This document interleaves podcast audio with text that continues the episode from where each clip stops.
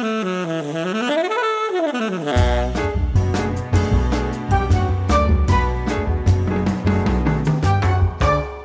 lytter til Selvpodden, en podkast fra Senter for livslang læring.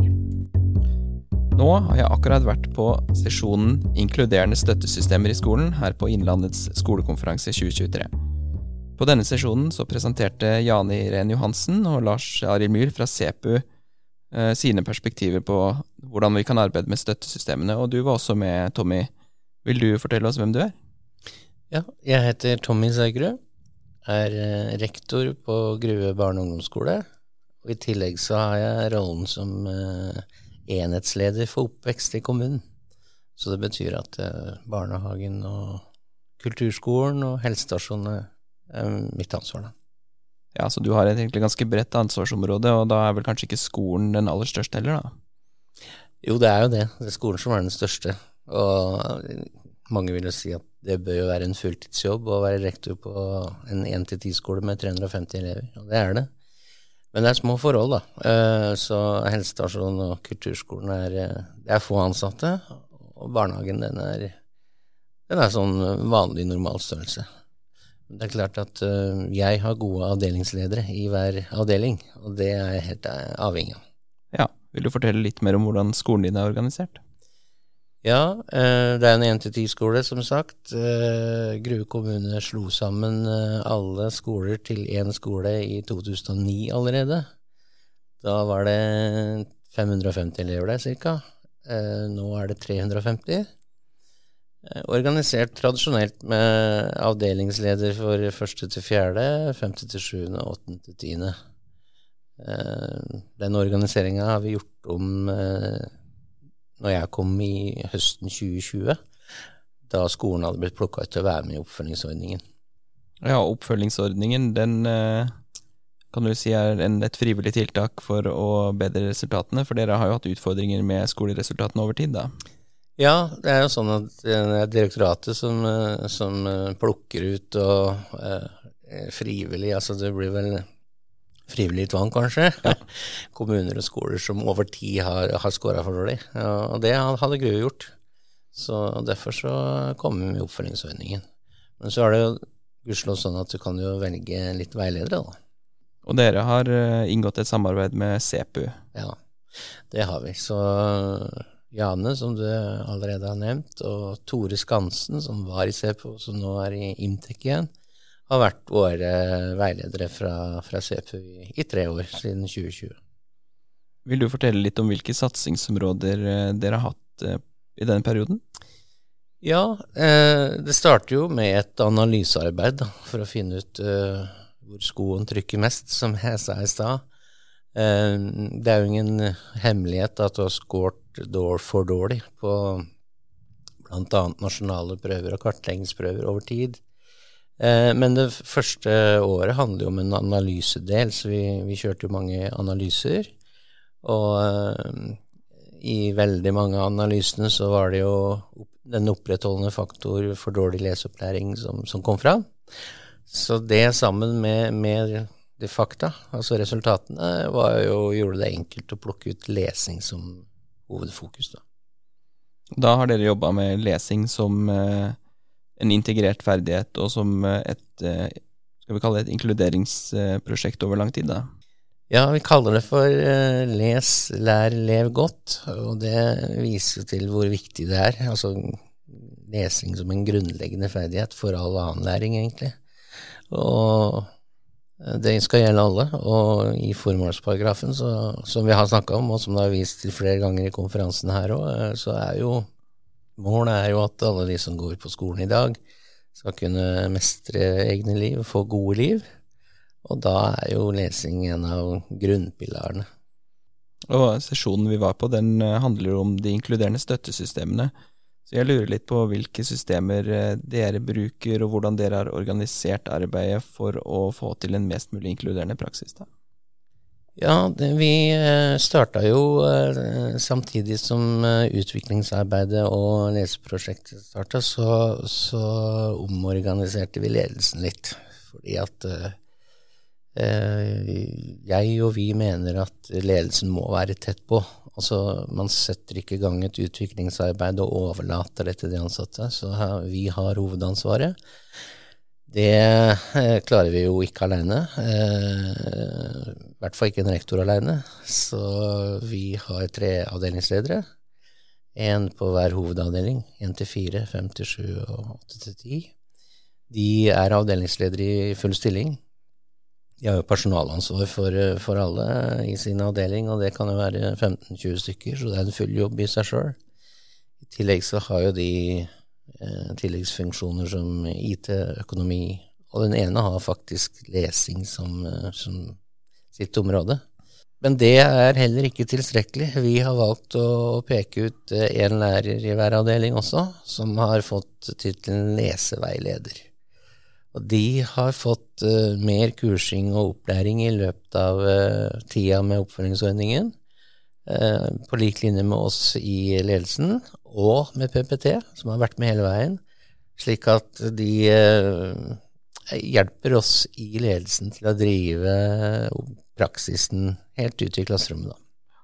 Så dere har på en måte prioritert midler til en sterkere oppfølging fra ledelsen, da? Ja et internt støttesystem som, eh, som, bygger på at ledelsen tar ansvaret sitt, men også får med seg noen utpekte til uh, praksisen i klasserommet.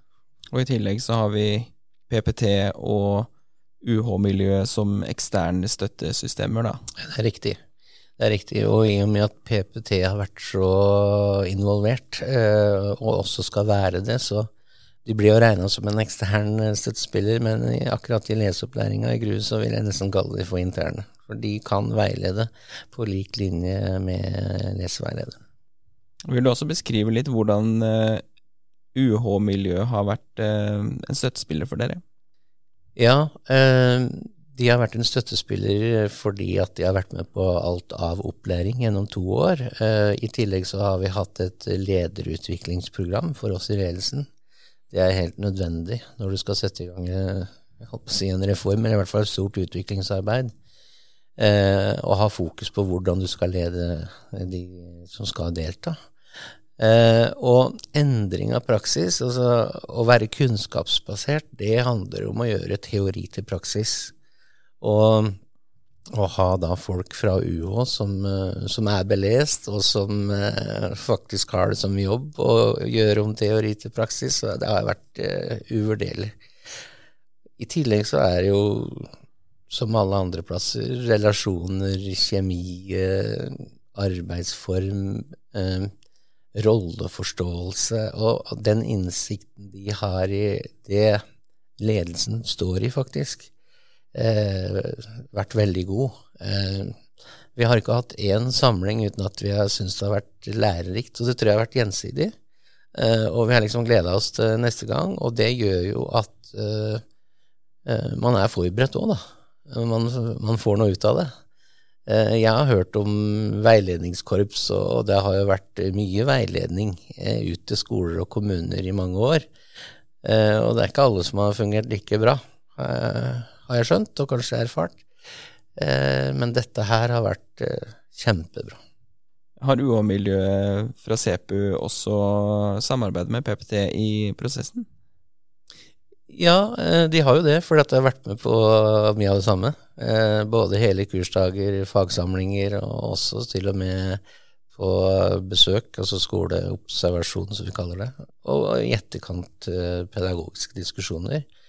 Så jeg vil nok kanskje si at skolen er veldig godt knytta til UH, og veldig godt uh, eh, knytta til PPT.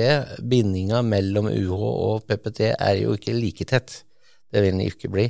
Men uh, de kjenner hverandre godt, og de vet uh, Både Jane og Tore og også Lars, som er en del av regionsnettverket, og Kjersti. Uh, de kjenner folka, og de vet at de har god kjennskap til det vi driver med i GRU. da.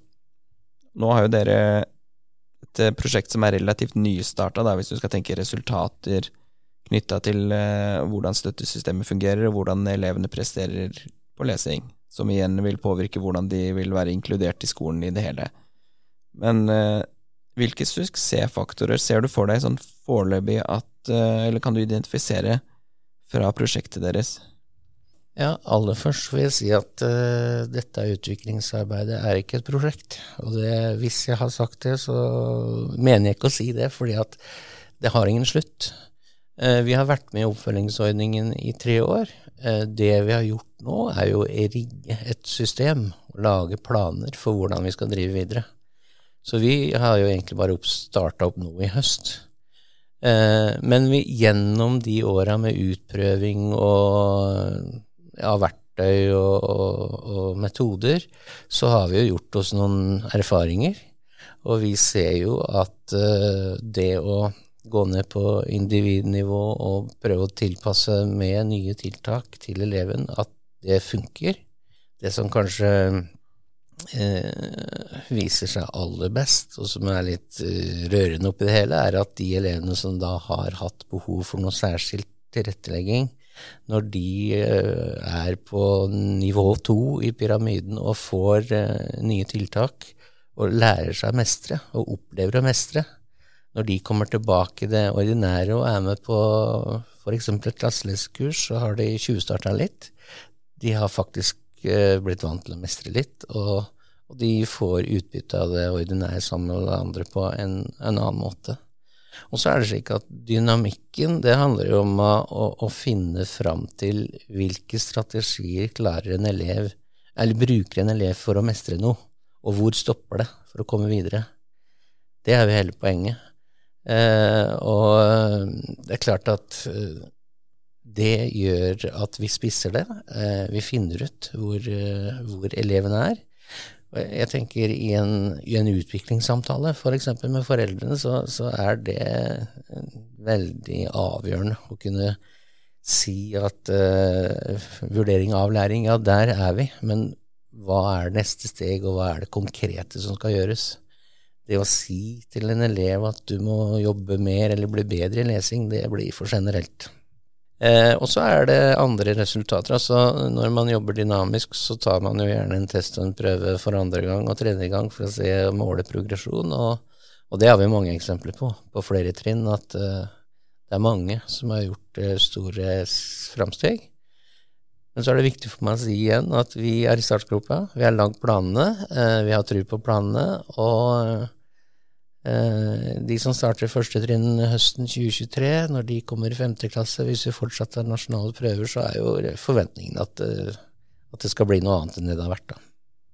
Ja, og da hører vi at eh, systematikk og langsiktig planlegging og målretta tiltak mot enkeltelever er eh, suksessfaktorer, da. Ja, det er jeg helt enig med deg i. Man kan ikke forvente at ting eh, snur med en gang, og man må ha utholdenhet, og man må stå i det, men samtidig så må man benytte seg av tiltak som er kunnskapsbaserte.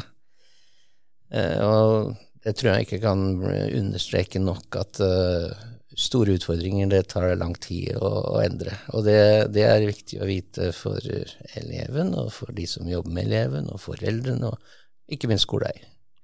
Å tro at resultatene fra et år til et annet skal bli veldig forskjellige. Eh, da skal det vare over år, i hvert fall. og du presenterte jo også på scenen for oss en eh, plan for eh, kartlegginger og for strukturen dere bruker gjennom skoleårene for å følge opp elevenes progresjon. Da. Og Den skal vi også håper jeg legge til episoden vår her, sånn at andre skoler kan se et eksempel på hvordan man planlegger strukturert og følger med på elevenes utvikling. Da. Så det um, tror jeg kan være nyttig for mange skoler å se et eksempel på hvordan man kan gjøre det. Ja, det håper jeg. Og så er det riktig som, som du sier, det er, det er, et eksempel. Eh, det er jo ingen fasit. Men det er det vi har kommet fram til, og det er det vi tror på vil virke over tid. Tusen takk skal du ha, Tommy, for at du delte erfaringer fra Grue barne- og ungdomsskole. Og så ønsker vi dere lykke til med arbeidet videre. Tusen takk for det.